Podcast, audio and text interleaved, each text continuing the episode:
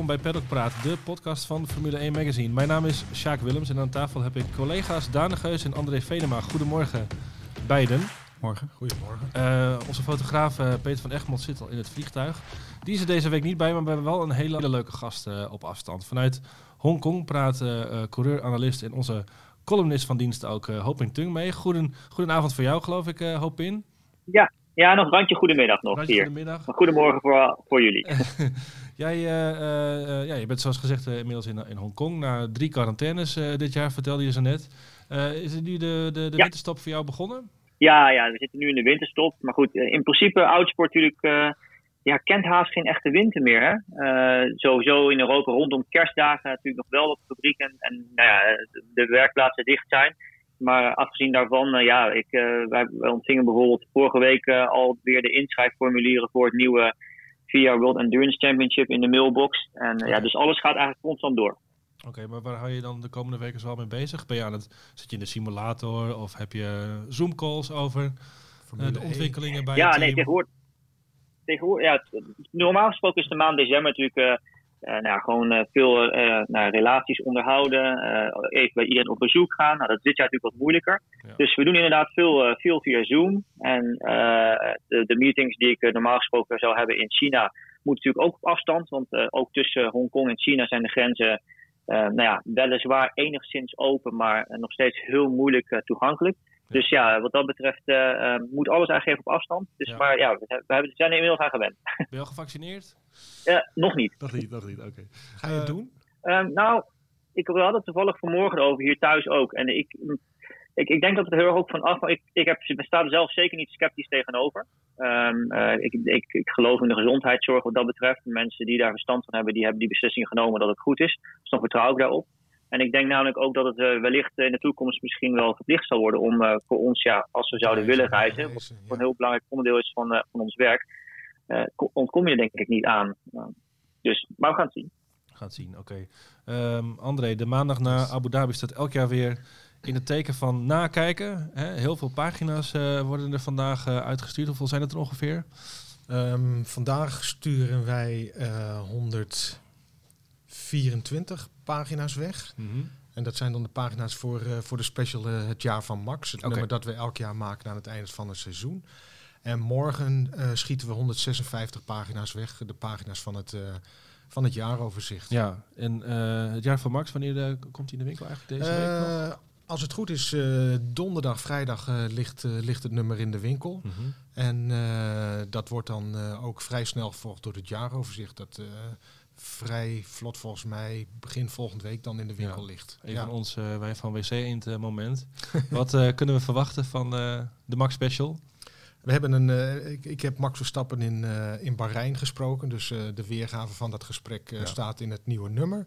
Wat was jouw indruk van hem? Dat Ja. natuurlijk voor de zegen van gisteren. Maar, eh, Ja, heel, heel, heel nou ja, vrolijk. Hij was, eh, In goede doen. hij was in goede doen. En ik bedoel, hij, hij heeft zich natuurlijk al lang, of tenminste, ik sprak hem dan twee weken geleden, maar hij heeft zich natuurlijk al lang verzoend met, eh, met de rol eh, die hij dit jaar ook weer, eh, weer speelde. Ehm, en ja, vol, vol, vol enthousiasme en vol verwachting kijkt hij uit naar, naar het volgende jaar. Dus we hebben ook een, een, een verhaal met, met zijn vader, met Jos. We hebben dit keer twee aparte verhalen en ze niet samen. Eh, Daan heeft eh, gesproken met, met Christian Horner en met, eh, met Mark Webber.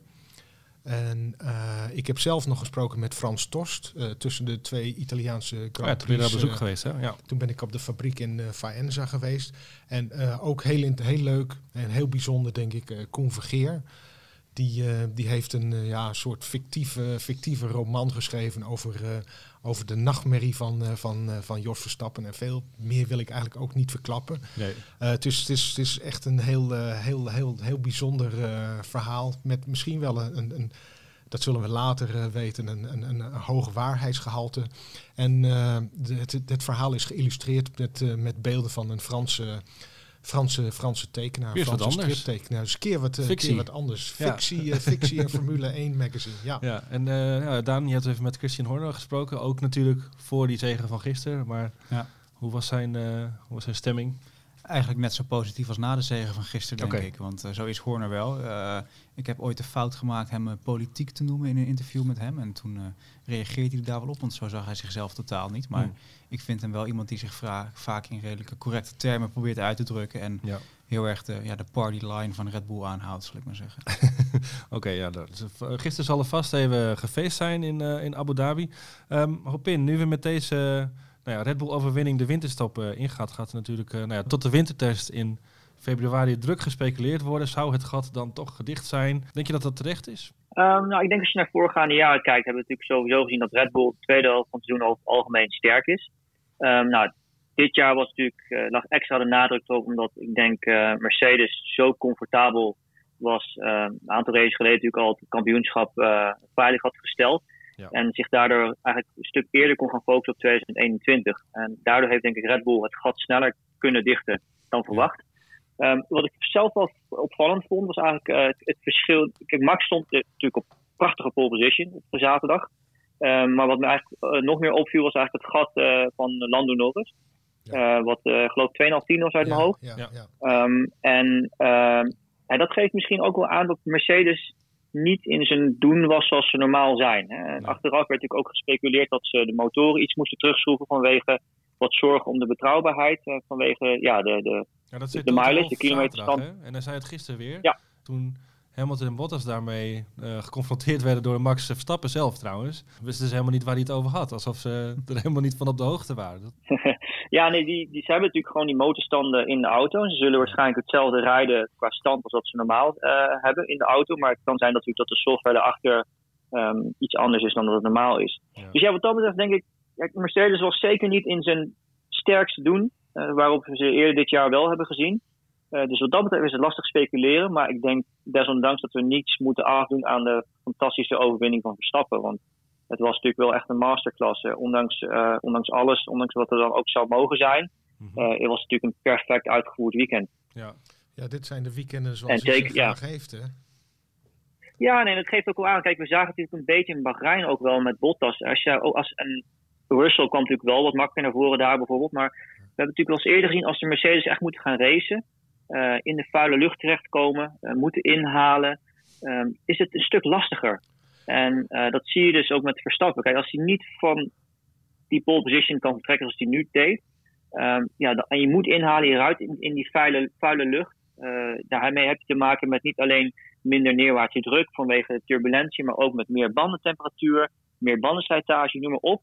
Um, controleren zoals Mercedes dat heeft gedaan het hele jaar, kan eigenlijk ook alleen maar echt als je vooraf start. Ja. Dat heeft Max eigenlijk perfect laten zien ook dit weekend.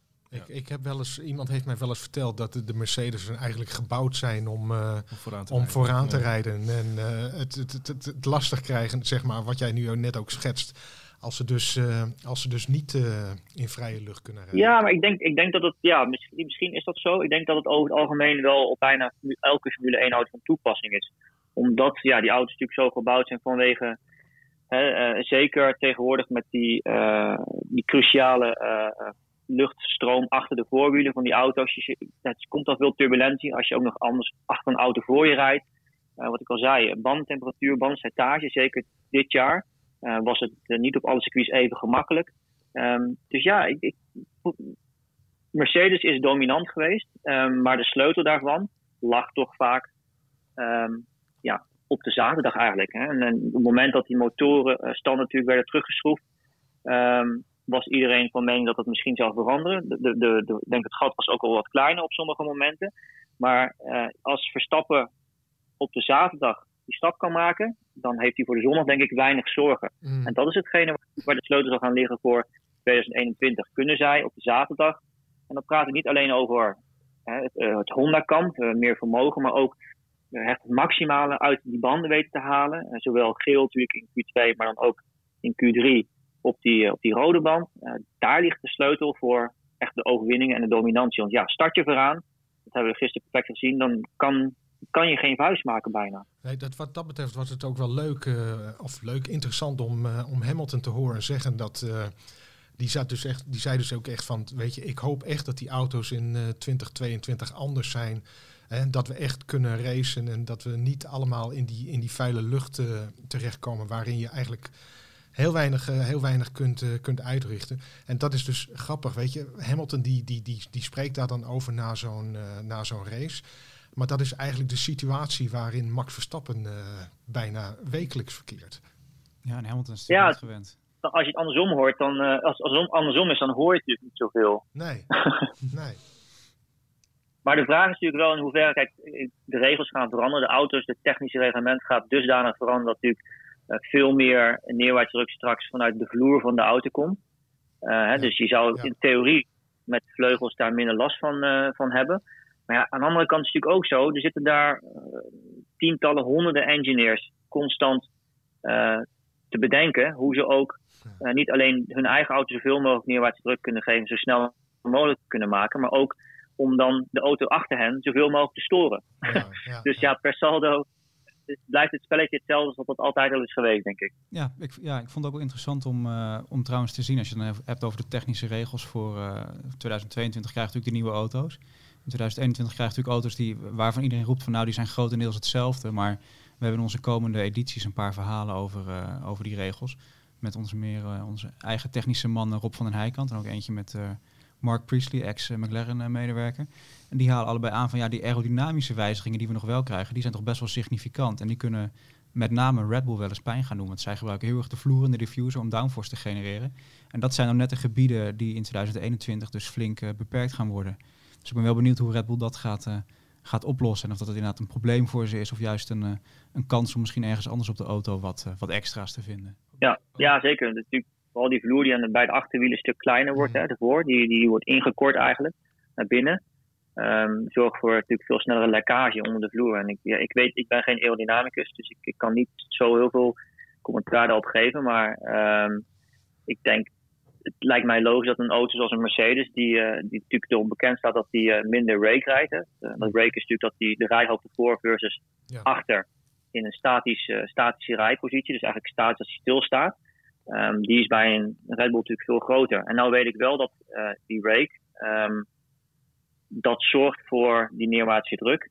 En het is eigenlijk zo dat bij de meeste teams, gek genoeg, uh, ik weet dat van andere teams ook, hoe hoger ze rijden vaak, hoe meer downforce ze genereren. Alleen het, de limiterende factor daar is juist weer niet zozeer de rijhoogte of de lekkage, maar de temperatuur in de aandrijfwassen. Want je kan je voorstellen hoe hoog je rijdt achter, hoe meer onder een hoek die aandrijfwassen komen te staan. En hoe warmer dat wordt, en dat is eigenlijk de limiterende factor. Dus ik ben benieuwd hoe dat ja, komend jaar zal zijn.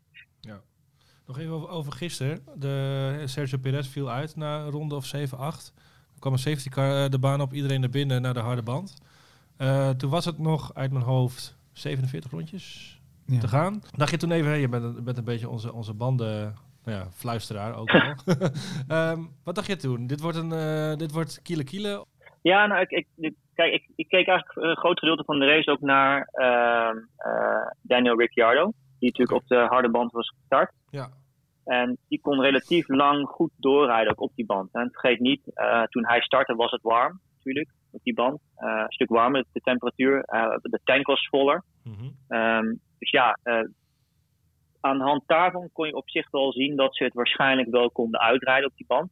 De enige maar die ik erbij plaats is natuurlijk zeker naar de herstart. Hoe, nou, Max die was behoorlijk agressief. Daar leek het in ieder geval op. In die zin dat hij natuurlijk meteen een gat moest slaan, ook met Bottas, om hem uit die DRS te krijgen. Ja. En ja, dat lukt natuurlijk. Maar je weet wel, als een band wat kouder is, de, de, de, de, bandendruk is lager. Um, doe je sneller slijtage, maar ook schade aan het karkas van de band. En zeker als je bijvoorbeeld curbstones pakt, en dan praat je misschien uitkomen van bocht 1, bocht 20 met die hoge sausage curve ja. ernaast. En zulke soort plekken moet je dan toch vaak wat voorzichtiger zijn. Maar ja, hij moest tegelijkertijd ook natuurlijk pushen om dat gat te bouwen. Dus dat is een soort van afweging. En die eerste paar ronden zijn vaak ook weer heel cruciaal voor het levensduur van een band later in de stint. Ja. Maar goed, uh, uiteindelijk bleek het dus dat, uh, dat Bottas misschien nog wel meer had gepusht dan, uh, dan Max. Want aan het einde van de race kon die tempo natuurlijk niet meer volgen. Nee. nee. En Max kreeg zelfs nog te horen dat zijn banden te koud werden op een gegeven moment. Dat was op zich ook wel een teken dat het wel goed ging, toch? Ja, ja, ja nee. Kijk, wat je, ook, wat je ook vaak. Ja, ja, ja, nee, natuurlijk. Het wordt koud. Uh, dat is dat die natuurlijk weinig bandtemperatuur daalt. door als je minder slip hebt op een band, zoals we dat noemen. En dat kan je heel mooi creëren door uh, bijvoorbeeld minder gecombineerde G-krachten te geven aan een band. Dat wil zeggen, eigenlijk, je scheidt eigenlijk heel duidelijk het remmen, het grote sturen en het op je gas gaan. Dus je doet echt maar één handeling tegelijk voor zo'n band. Even simpel gezegd. Um, dat kan je natuurlijk heel mooi doen, zeker in, in, in, Abu Dhabi, waar je veel van die langzame bochten hebt. En daarmee kan je dus de bandtemperatuur omlaag krijgen. tegelijkertijd is het ook zo, als een band meer slijt, wordt het loopvlak wat dunner. Je praat natuurlijk echt over minimale slijtage in, in termen van uh, hoe, hoe, dik het loopvlak is. Mm -hmm. Maar toch zorgt dat ervoor dat het ook wel weer sneller afkoelt. Uh, het temperatuurgevoeliger wordt. Formule 1. Pedalpraat. Goed, iets anders. Uh, een van de hoofdonderwerpen dit weekend was toch wel de, de terugkeer van Lewis Hamilton naar een, uh, een coronabesmetting. Uh, je zag, vond ik tij, de, tijdens de persco zaterdag na de kwalificatie, dat hij toch echt wel een jasje heeft uitgedaan. Ja, zo noemde jij het. Hè? Je, je vond hem een beetje dunnig. En... Nou ja, hij was wel kort voor stof. Dat is hij toch ja. normaal gesproken ook niet. En een beetje met een piepstemmetje. En hij zei natuurlijk zelf ook dat hij, dat hij een, paar, een paar kilo's kwijt was geraakt. Mijn indruk was in ieder geval dat het geen toneelspel was. En ik vroeg me even af, uh, Hopin, of jij nog collega's hebt gehad de, het afgelopen seizoen die dan besmet zijn geweest en terug zijn gekomen. En hoe, ja, hoe, wat voor effecten dat heeft gehad. Uh, ja, ja, helaas wel. Ik heb, wij hadden uh, op de, moet ik even goed nadenken, dinsdag en woensdag voor de race in Spa-Francorchamps, voor de FIA World Endurance Championship race, kregen we het bericht dat mijn teamgenoot positief was getest. Okay. Dus we moesten eigenlijk last minute op zoek doen naar een vervanging uh, voor hem. Dus dat was voor ons A, niet zo heel gemakkelijk. Want ja, in, in ons kampioenschap moet je verplicht met een uh, één zogenaamde zilveren rijder op de auto rijden. Um, en ja, dat was hij. Dus we moesten iemand anders zien te vinden die, dat, die hem kon vervangen. Ja. Um, en tegelijkertijd had hij ja, eigenlijk geen last van symptomen. Dus wat dat betreft was de situatie okay. iets anders dan bij, bij Hamilton. wat ik begrepen heb uit uit de, uit de, media was het zo dat hij natuurlijk wel last had van, uh, van koorts, van symptomen, van vermoeidheid, noem maar op, moeilijk ja. ademen. Um, dus ja, wat dat betreft uh, vind ik het moeilijk uh, te zeggen. Ja. ja. Gabriel, mijn teamgenoot, had verder helemaal nergens last van. Nee, ook dus ja, ook na afloop.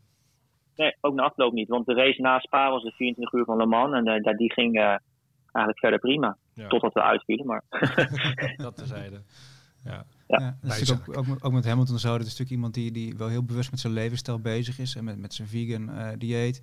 Uh, is niet iemand die heel veel bonuskilo's uh, met zich meedraagt, zal ik maar zeggen. En ik weet wel eens, als je dan bijvoorbeeld sporters sprak voor corona al, bijvoorbeeld schaatsers of hockeyers die bijvoorbeeld griep kregen, die ook zeiden van ja, mijn lichaam is eigenlijk een soort gefine-tuned machine, zal ik maar zeggen. En als iets er dan ontregelt, dan kan het soms echt wel harder binnenkomen voor je gevoel. Dus ik denk, ik kan me indenken, ik wil niet voor Hamilton spreken, maar dat het voor hem misschien ook wel meespeelt in die zin? Ja, aan de ene kant denk ik dat van wel. Aan de andere kant is het natuurlijk zo dat als je in, in goede gezondheid bent, Dan heb je ook um, weerstand. Kun je, het, kan je het waarschijnlijk ook wel weer wat makkelijker terug opbouwen. Maar ja, nogmaals, ik ben geen medicus, dus wat dat betreft zou ik het niet kunnen zeggen. En ik, gelukkig heb ik het zelf niet gehad nog tot nu toe. Dus Nee. eh, even afkloppen. Even afkloppen. Maar ehm, aan de andere kant moet je natuurlijk niet onderschatten.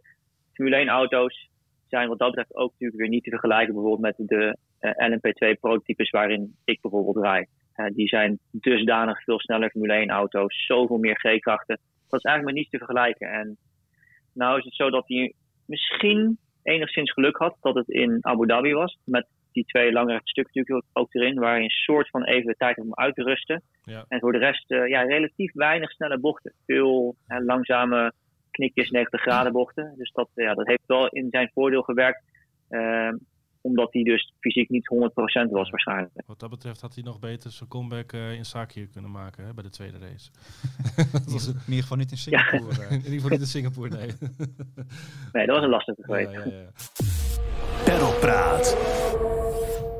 Even over eh, Max Verstappen's teamgenoot, eh, Alex Albon. Het draait natuurlijk niet allemaal om de race van gisteren. Het gaat om het eh, totaalplaatje. Hè. Horner gaf dat gisteren ook nog aan. Ehm we hadden het er vorige week nog over, hè, de 51% eh André. Hoe, eh, eh, hoe, hoe schat je de kansen in van Albon nu het seizoen is afgelopen? Ik vind het, ik vind het nog steeds heel erg, ik vind het nog steeds heel erg lastig.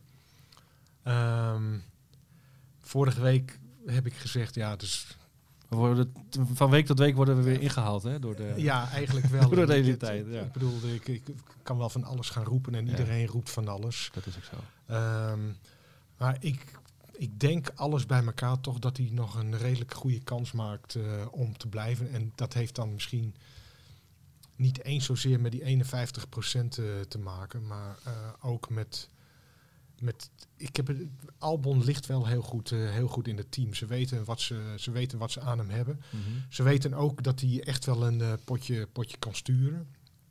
Dus ik vraag me af of zij, of zij bereid zijn om het risico te nemen om daar een nieuwe coureur neer te zetten. Waarvan ze, die, ze, die, ze, die ze zeg maar qua karakter en als mens gewoon oppervlakkiger kennen dan, uh, dan, dan Albon. Het is natuurlijk wel bij Red Bull als Perez zijn, stel je voor het zou Perez worden. Je komt echt binnen als buitenstaander natuurlijk. En dat zijn ze bij Red Bull ook niet gewend. Want al die andere jongens die ze hebben gehad, die komen altijd uit het, junior team of uit Alfa Tauri, Toro Rosso. Dus het zou voor Red Bull ook wel een aanpassing zijn. Ik moet wel zeggen met Albon, dit was nou race 17 van het jaar.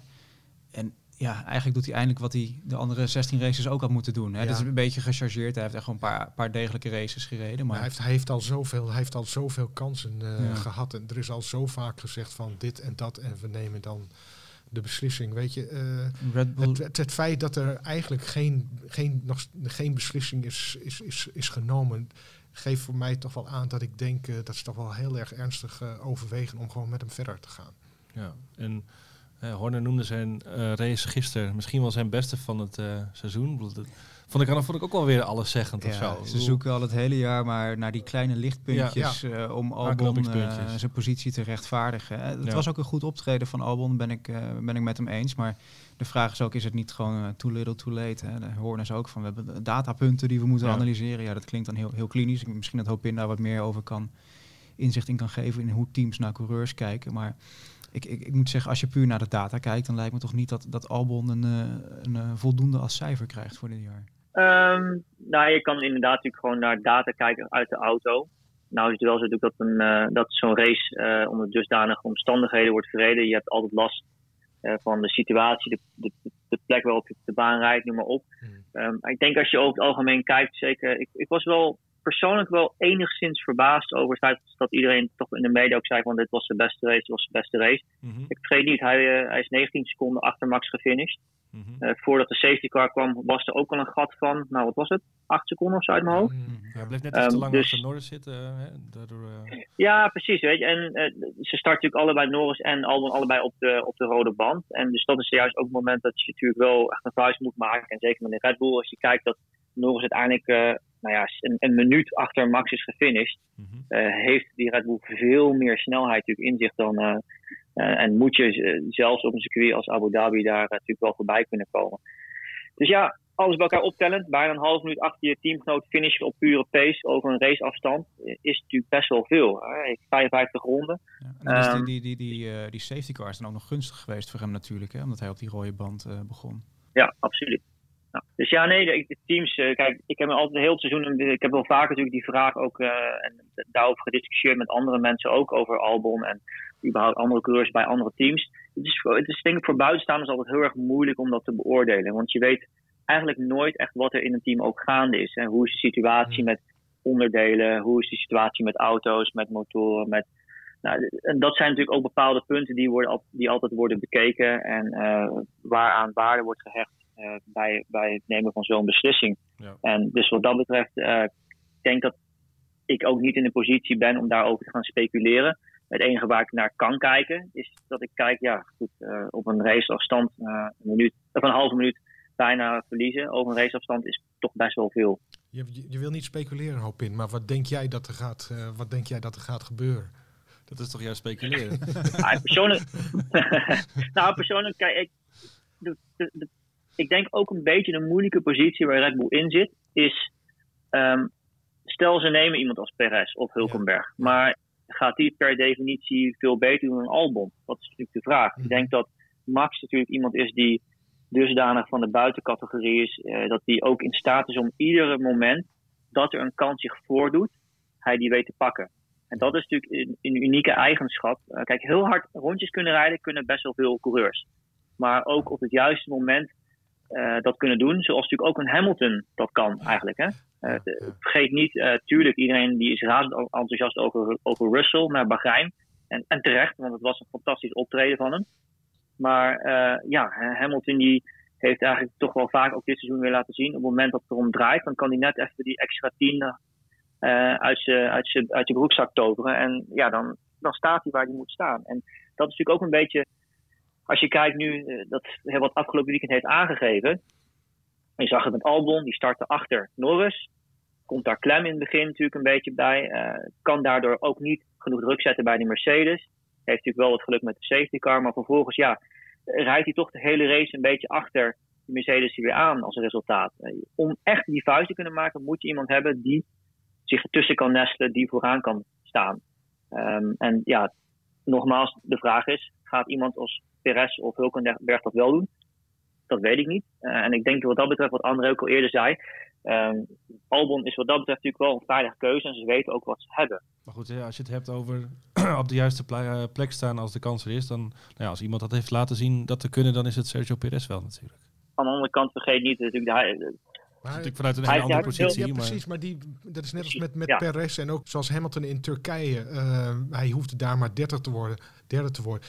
Die komt vanuit een hele andere positie uh, race die dan, uh, dan bijvoorbeeld Verstappen. Weet je, Verstappen die moet altijd 100, die moet minimaal 110% rijden om A, of bij te kunnen blijven of, of de Mercedes te, te splitsen en, en Hamilton, die, die, die jongens die hebben zo'n goede auto. Die race vanuit een hele andere positie. En met Perez is het ook zo. Natuurlijk heeft hij een goede auto.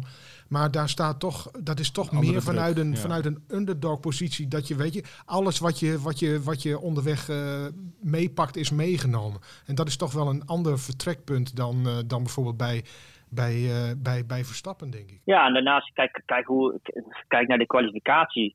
Eh, die verschillen tussen, tussen Max, eh, Bottas en Hamilton.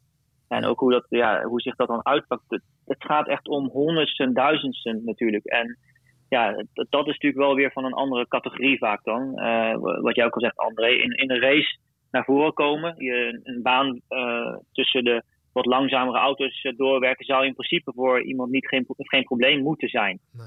Maar ja, om, zich, om dan ook, wat ik al zei, voorraad te starten, je ertussen weten te nestelen en vanuit dat punt ook eh, datgene te geven aan Red Bull wat ze nodig hebben, namelijk nou ja, rugdekking aan Max, uh, kunnen gaan voor strategie B als Max strategie A kiest, ja. uh, om die Mercedes heel eigenlijk onder druk te zetten en te dwingen om ook hè, alternatief te gaan of creatief te zijn. Ja, ja dat, dat heeft eigenlijk het hele seizoen hebben ze die, die, ja, die optie niet gehad nog. Nee. nee. En toch uh, begrijp mij wel een beetje het gevoel, we hebben het hier heel erg over. Hè, ze mogen Albon, hij ligt goed in het team. Dat zijn allemaal emotionele argumenten. En, ja. daar staat Red Bull nou niet echt bekend om, uh, uh, om daar heel erg op, op te varen, op de emotie. Nee, we hebben in het, het nieuwe nummer, de Jaar van Max special, ook een eindrapport met Tom Coronel. Die, die neemt onder meer die neemt alle coureurs onder de loep. En bij Albon zegt hij ook van ja, het lijkt wel alsof Helmoet Marco soft wordt of oud wordt. en dat zijn we niet van hem gewend. Nee, Nee, dat zal blijken deze week. Dat zal blijken. Perlpraat.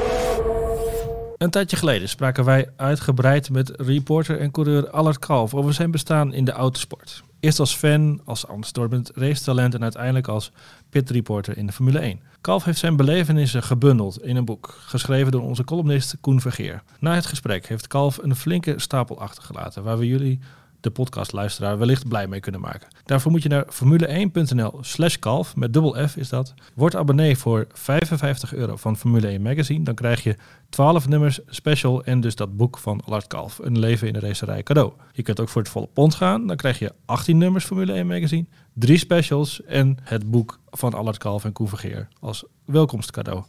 Nogmaals, formule1.nl slash kalf met dubbel F. Maak gebruik van een van de twee aanbiedingen en krijg het boek cadeau. Formule 1. Pedalpraat. Even over de derde plek bij de constructeurs. Daar is McLaren dan uiteindelijk geëindigd. Kunnen we zeggen dat uh, zij weer een topteam in wording zijn? En dan natuurlijk helemaal met het oog op die Mercedes-motor die volgend jaar achterin uh, ligt. Hmm. Een topteam weet ik niet, maar het is in ieder geval wel uh, een, een, team dat denk ik ook nog steeds nu meer weer met een nieuwe investeerder wel, uh, wel het geld heeft en, uh, en de middelen om, uh, om een top 10 ademen, hè? Ja. Om, ja, om weer, om weer een, om weer een top 10 te worden. En ehm, ook niet onbelangrijk, ik denk dat ze met, met James Key een, een hele goede ontwerper in huis hebben. Ja, natuurlijk Daniel Ricciardo er volgend jaar bij. Ja. Uh, Mercedes motor achterin dan. Uh, ik moet zeggen, de Renault motor doet het ook niet verkeerd, maar de Mercedes leidt nog net een tandje beter. Het is een beetje wat, uh, wat Johan Cruijff een keer over Ajax zei, van het kapitaal moet op het veld staan. Ja. En dat gevoel krijg je nu wel heel erg met ja. McLaren. Het is echt een, de bouwstenen voor een terugkeer naar de top, die, die zijn denk ik echt aanwezig bij dat team. Ja, vergeet ook Andreas Seidel niet. Hè? Die is natuurlijk nee. sinds het moment dat hij daar is aangetreden ja. bij McLaren als team principal.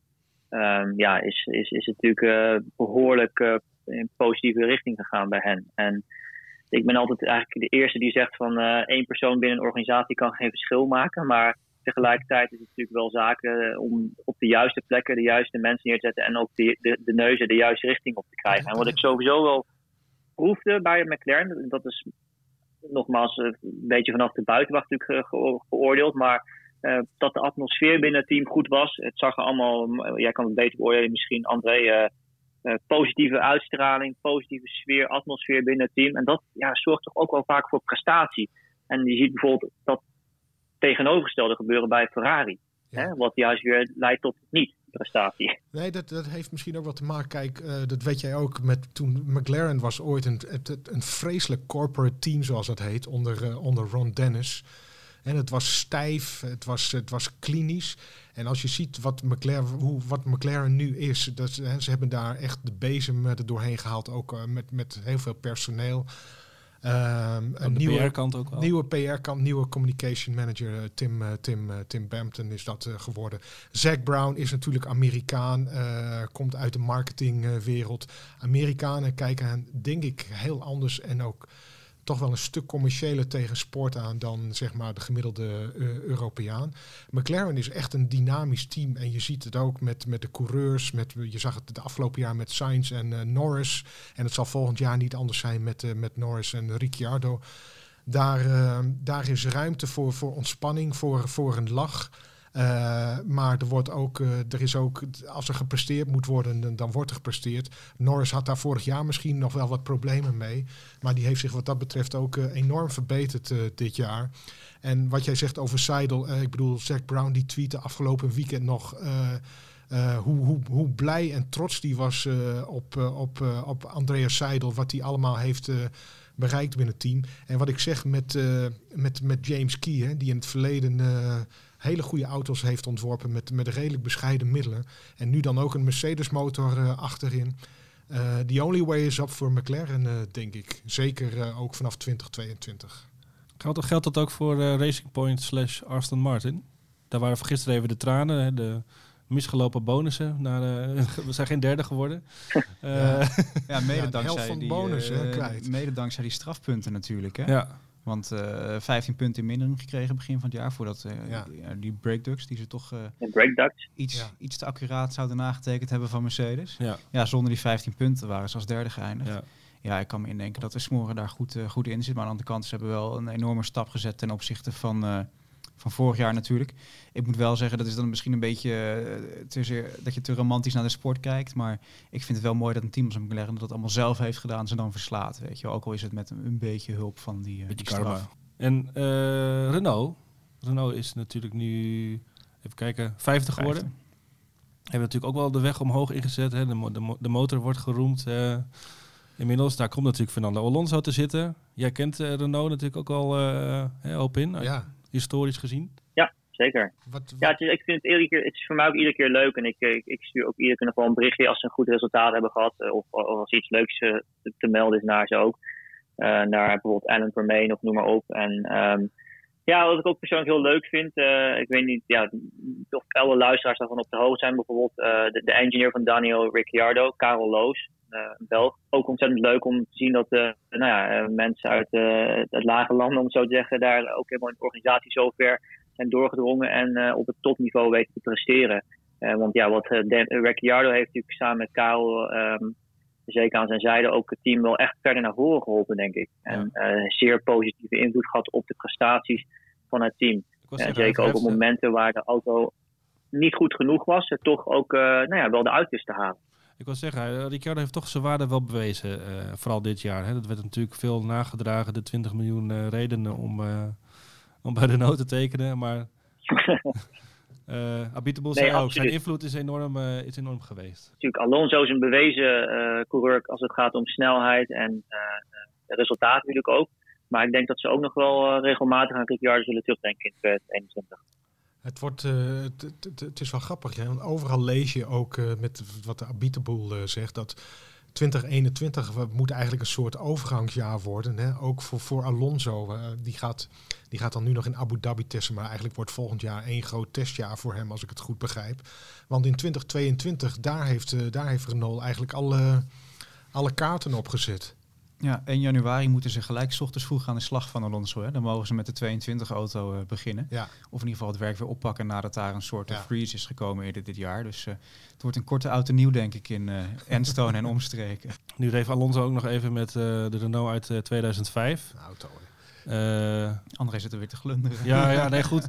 Dat, dat, dat geluid, dat, dat, dat brengt natuurlijk ook een glimlach op je, op je gezicht. Dat kan bijna niet anders. En het ziet er ook allemaal snel en dramatisch uit. Hè? Uh, dramatisch in de goede zin van het woord. Uh, doet je dat dan toch uh, terugverlangen, hoop in, naar dat soort auto's? Als je... Kijk, als autocoureur wil je eigenlijk altijd meer grip, meer snelheid, harder de bocht door, noem maar op. Ja. maar als je het ziet natuurlijk, um, het is relatief simpel, even, even zo gezegd. Uh, het is natuurlijk geen ingewikkelde aandrijflijn zoals tegenwoordig met al die hybride onderdelen, noem maar op. Mooie V10-motor. En het grappige is natuurlijk wel als je kijkt dat ja, Ricciardo deed 40.9 in de race als snelste ronde. Mhm. En ik geloof dat Alonso met die nou ja, 15 jaar oude auto gewoon twee seconden sneller was dus. En dat, dat zet toch wel veel mensen aan het denken. En tuurlijk hangt dat ook af van het circuit en noem maar op. Maar ja, tegelijkertijd 15 jaar verder... Uh, de FIA komt natuurlijk ook constant met regels om de auto's langzamer te maken. Natuurlijk ook nu weer van 2022 naar 2021.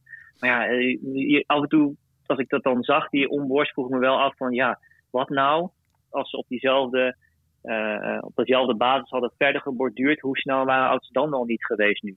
Hè? Dat, dat was waarschijnlijk niet veel langzamer geweest dan dat ze nu zijn. Nee, daar waren ze opgestegen. Zeker vanwege het orgasmische geluid, denk ik. Ja, ja, ja. Ja, ik weet nog... Uh, ja, het, het is wel heel mooi om te zien. Ja. ja Hoe iedereen ook in extase komt in de pitlane ook. Dat gewoon niet alleen van Renault, maar gewoon alle teams. Rijkonen ook eerst vooraan uh, om, om te kijken en te luisteren. Precies. Met hun, met hun mobiele telefoon even een filmpje nemen als Alonso door de pitstraat komt rijden. En ook recht een stuk langs rijdt. Ja, dat geeft natuurlijk wel aan wat het bij mensen losmaakt. En natuurlijk bij mij ook. Ik ben een, een, een ontzettende race liefhebber. En ja, het is fantastisch. Aan de andere kant is het natuurlijk ook zo, we staan ook allemaal voor vooruitgang. En ja. uh, het is ontegenzeggelijk dat de sport natuurlijk enorm grote stappen heeft gemaakt op veel andere gebieden. Ja, Wolf zei dat gisteren nog in zijn perspraatje ook. Dat, uh, er was toen nog geen sprake van de, de, de 0% uitstoot waar, uh, waarnaar gestreefd wordt tegenwoordig. Dat is natuurlijk met die motoren bijna niet te doen. Nee, en ze zijn nu wel aan het kijken om hè, of ze het geluid misschien een beetje terug in kunnen engineeren, om het zo maar te zeggen, voor uh, de nieuwe motorgeneratie. Ja. Voor 2025 of 26 dan. Ik geloof dat Pat Simmons heeft gezegd dat ze dan denken aan twee taktmotoren misschien, die dan een, uh, ja, een, fijner geluid uh, zouden produceren. Dat zou natuurlijk heel oh, dat zou wel veel uitstoot geven. Ja, nee, dat, dat, wordt een beetje dan de vraag of ze dat dan weer gaan, gaan, gaan offsetten natuurlijk. Hè, want ze zullen ook wel vasthouden aan hybride natuurlijk. Maar ja, dat wordt interessant. Ik vond het wel frappant dat, uh, dat Wolf dat zei. Die spreekt natuurlijk voor een, uh, ja, voor een grote automaker die daar heel erg op inzet. Mm Die ook in de Formule E uh, actief is.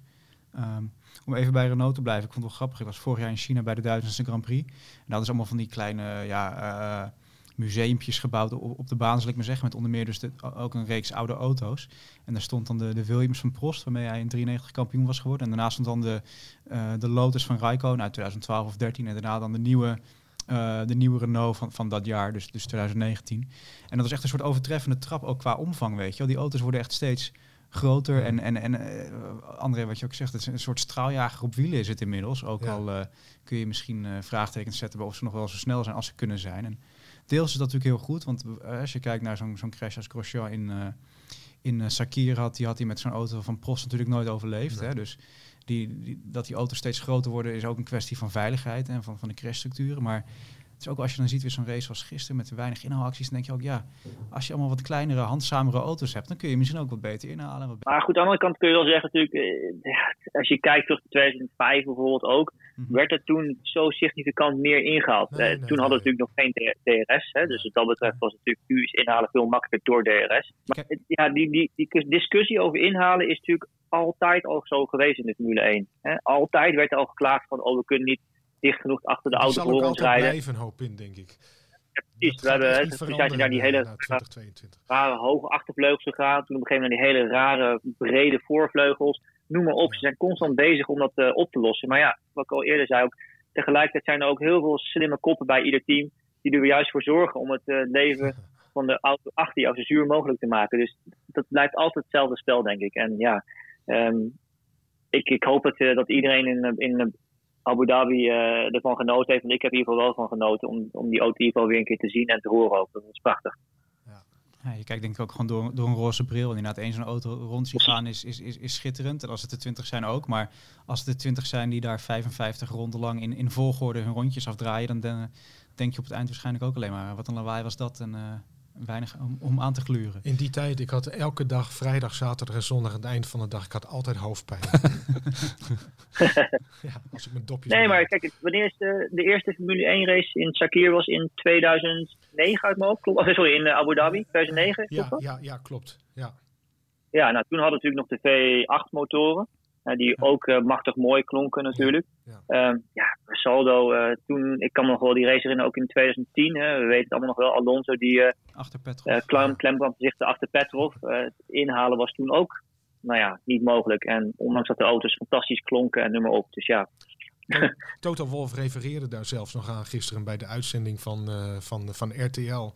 Toen, uh, toen ze vroegen of, uh, of er nog wat mogelijk was met inhalen. Toen zei hij van, kijk naar 2010 uh, uh, Alonso Petrov, weet je, om maar aan te geven dat inhalen op het circuit bijna onmogelijk is. Ja, ja met DRS dan, maar goed. Ja. Nou, kijk, het, het, het, grappige is wel, er is voor mij, eh, ook als we hebben dit jaar een aantal races die heel spannend waren en spectaculair waren. Um, en ja, Silverstone vond ik wat dat betreft mooi, omdat daar dus een verschil was in bandencompound mhm. bijvoorbeeld. Uh, nou, Sakir was natuurlijk uh, spectaculair vanwege de layout van het circuit. Maar ik denk dat één cruciaal ding wat je kunt aanwijzen, dat voor spektakel zorgt. En die ook echt de sleutel hebben tot spectaculaire races. En dat is Pirelli. Hè, Pirelli kan met de keuze van de banden die zij meenemen naar een weekend. Ja. Uh, een directe invloed uitoefenen op hoe spectaculair eigenlijk en hoe onvoorspelbaar een race ook gaat zijn. Hè. En, en dat is natuurlijk voornamelijk zo als ze ervoor kiezen om ja. toch wat risicovol te gaan door wat zachtere banden, compounds mee te nemen, die voor meer slijtage zorgen, waardoor je eigenlijk teams ook dwingt om wat creatiever te gaan nadenken. Uh, coureurs ook juist weer dwingt uh, een afweging te gaan maken van ga ik nu pushen, ga ik nu juist uh, voorzichtig zijn met mijn banden.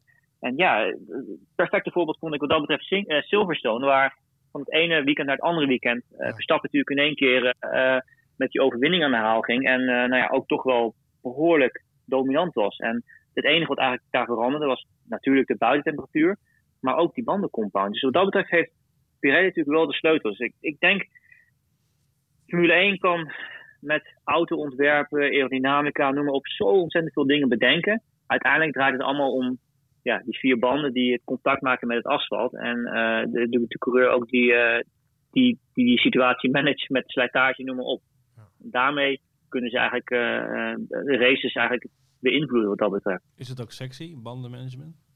Nee, dit, kijk, vanuit mijn tak van sport, laat ik het zo zeggen, uh, doen wij niet anders. Uh, en dat is natuurlijk de sleutel voor ons juist tot, uh, tot succes. Um, dat gezegd hebben, dan denk ik dat in de Formule 1, nou ja, kijk, 40, 45 ronden kunnen rijden op één set banden in, in Abu Dhabi. Is dat, dat vind ik niet sexy persoonlijk. Nee, nee. Um, ik had liever een, een, race gezien waar eigenlijk coureurs zoveel last hebben van banden dat ze rondglijden en eigenlijk gedwongen worden om minstens nog één, misschien zelfs nog wel twee pitstops te moeten maken. Want daarmee gooi je natuurlijk alles uh, helemaal uh, door de war ook. Uh, is dat disrespectvol naar het Formule 1 team, die, die natuurlijk heel erg veel geld en energie en tijd besteedt aan een auto zo snel mogelijk te maken? Misschien wel. Die discussies hebben we natuurlijk ook al eerder gelezen. Um, aan de andere kant, ja, je kan nooit alles hebben. Het is hetzelfde natuurlijk een beetje met een, als je naar een band zelf kijkt. Je kan niet en veel grip hebben en een ontzettend lange levensduur hebben. Nee. En dat is natuurlijk hetzelfde met, met Formule 1 ook een beetje. Je kan, niet, eh, ehm, je kan niet alles hebben. Je kan niet en spectaculaire races hebben en eh, dat altijd degene die het beste werk doet beloond wordt en noem maar op. Zo werkt het nou eenmaal niet. Voordat we een, eh, een punt achter zetten, hebben we Vettel nog horen zingen? Ja. Gisteren? Had een Ja. plaatje mee met de tekst, hè? Hij had een liedje geschreven. Ja. Deze handschoen uit tijdens Ik de uitloopronde. Ik voel me af waar hij dat papiertje heeft gelaten. Want eh, de, de racepakken, de raceoverals van tegenwoordig, die hebben allemaal geen zakken meer vanwege Oh. gewichtsbesparing. Oh ja. dus die zal hij waarschijnlijk ergens in zijn auto verstopt Ik hebben. denk, ik denk dat hij hem ergens achter heeft gehangen, want hij, hij moest dus zijn handschoen uitdoen om, Om te eh, om, om, om, om, om het Vastgeplakt. te pakken. Ja. En, eh, Ja, mooi. Er zat ook nog even een verborgen plaagstootje in volgens mij, want hij noemde allemaal zijn eh, monteurs op, hè? Fabio, Giovanni, allemaal mooie Italiaanse namen. Jullie zijn Ferrari, riep hij nog op de radio. En, en, en het management werd eh, Niet genoemd. vakkundig Ja. genegeerd. Er is natuurlijk ook net een wissel geweest in het management.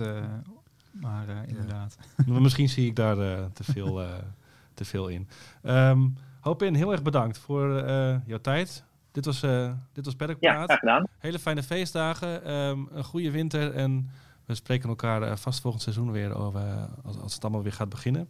Terwijl André en Daan eh, de studio al uitrennen om verder te gaan met het eh, nakijkwerk voor de Verstappen Special en het jaaroverzicht. De twee speciale edities die de komende, winkel, eh, of die komende weken in de winkel liggen. Wil ik jullie, eh, de luisteraar, bedanken voor het luisteren iedere maandag. In de winterstop willen we weer een paar speciale afleveringen maken. Gesprekken met raceprominenten uit de Nederlandse autosportgeschiedenis. Misschien kunnen we dat een keer met Hoop in Tun doen, op afstand. Ehm, suggesties zijn in ieder geval welkom. Mail ze naar redactie.formule1.nl. En als je voor deze raceaflevering ook nog eh, opmerkingen hebt, stuur ze door. Daar hebben we altijd wel wat aan. Ehm, tot het seizoen 2021 aftrap kun je voor het laatste nieuws terecht op onze site formule1.nl. En dan gaan we eruit met de traditionele afsluiter, de uitloopstrook van Koen van Geer. Hele fijne feestdagen en eh, tot de volgende. De uitloopstrook van Koen. Voorbij.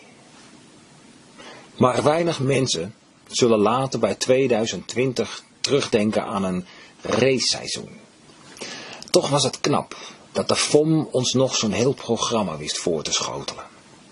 Het liet ook zien dat zelfs in zo'n chaotische en sombere tijd de Formule 1 een beetje lijn en licht kan brengen voor de fans. En ondanks dat het in grote lijnen tamelijk voorspelbaar was, Mercedes won 13 van de 17 races en Hamilton pakte zijn zevende wereldtitel, hebben we leuke, mooie en zelfs heftige races gezien. Denk nog maar even aan Hamiltons lekke band in die slotronde op Silverstone. Of denk aan het heerlijke gejakker op Mugello, Casanova, Savelli, Arrabbiata en de chaos die daar ontstond bij alle herstarts. Denk ook aan de melancholie van Imola, het waterballet in Turkije en dat waanzinnige podium op Monza.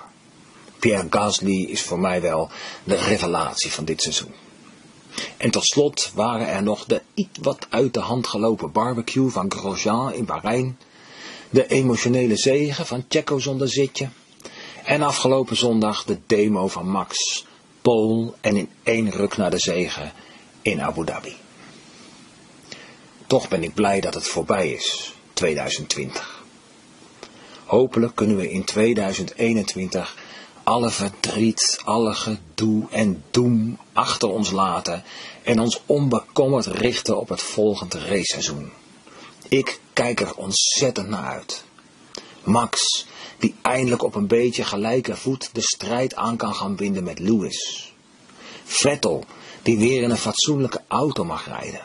McLaren terug aan de top met een Mercedes motor en Ricciardo achter het stuur. Een spetterend rijdersduo bij het herrijzende Ferrari. Nieuwe video's van Mazepin. De eerste cynische boordradio van Alonso. En zeker ook Mick Schumacher. Doe je ogen dicht en je hoort zijn vader. Ik kijk uit naar coureurs zonder mondkapjes. En ja, natuurlijk ook naar de Grand Prix van Nederland. Maar let op, corona is nog niet voorbij hè. Houd daarom moed, blijf deze winter vooral binnen. Lees een boek, ik heb nogal een tip. Respecteer de regels en blijf voor alles gezond. Dan zien we elkaar allemaal volgend jaar, begin september, op Zandvoort.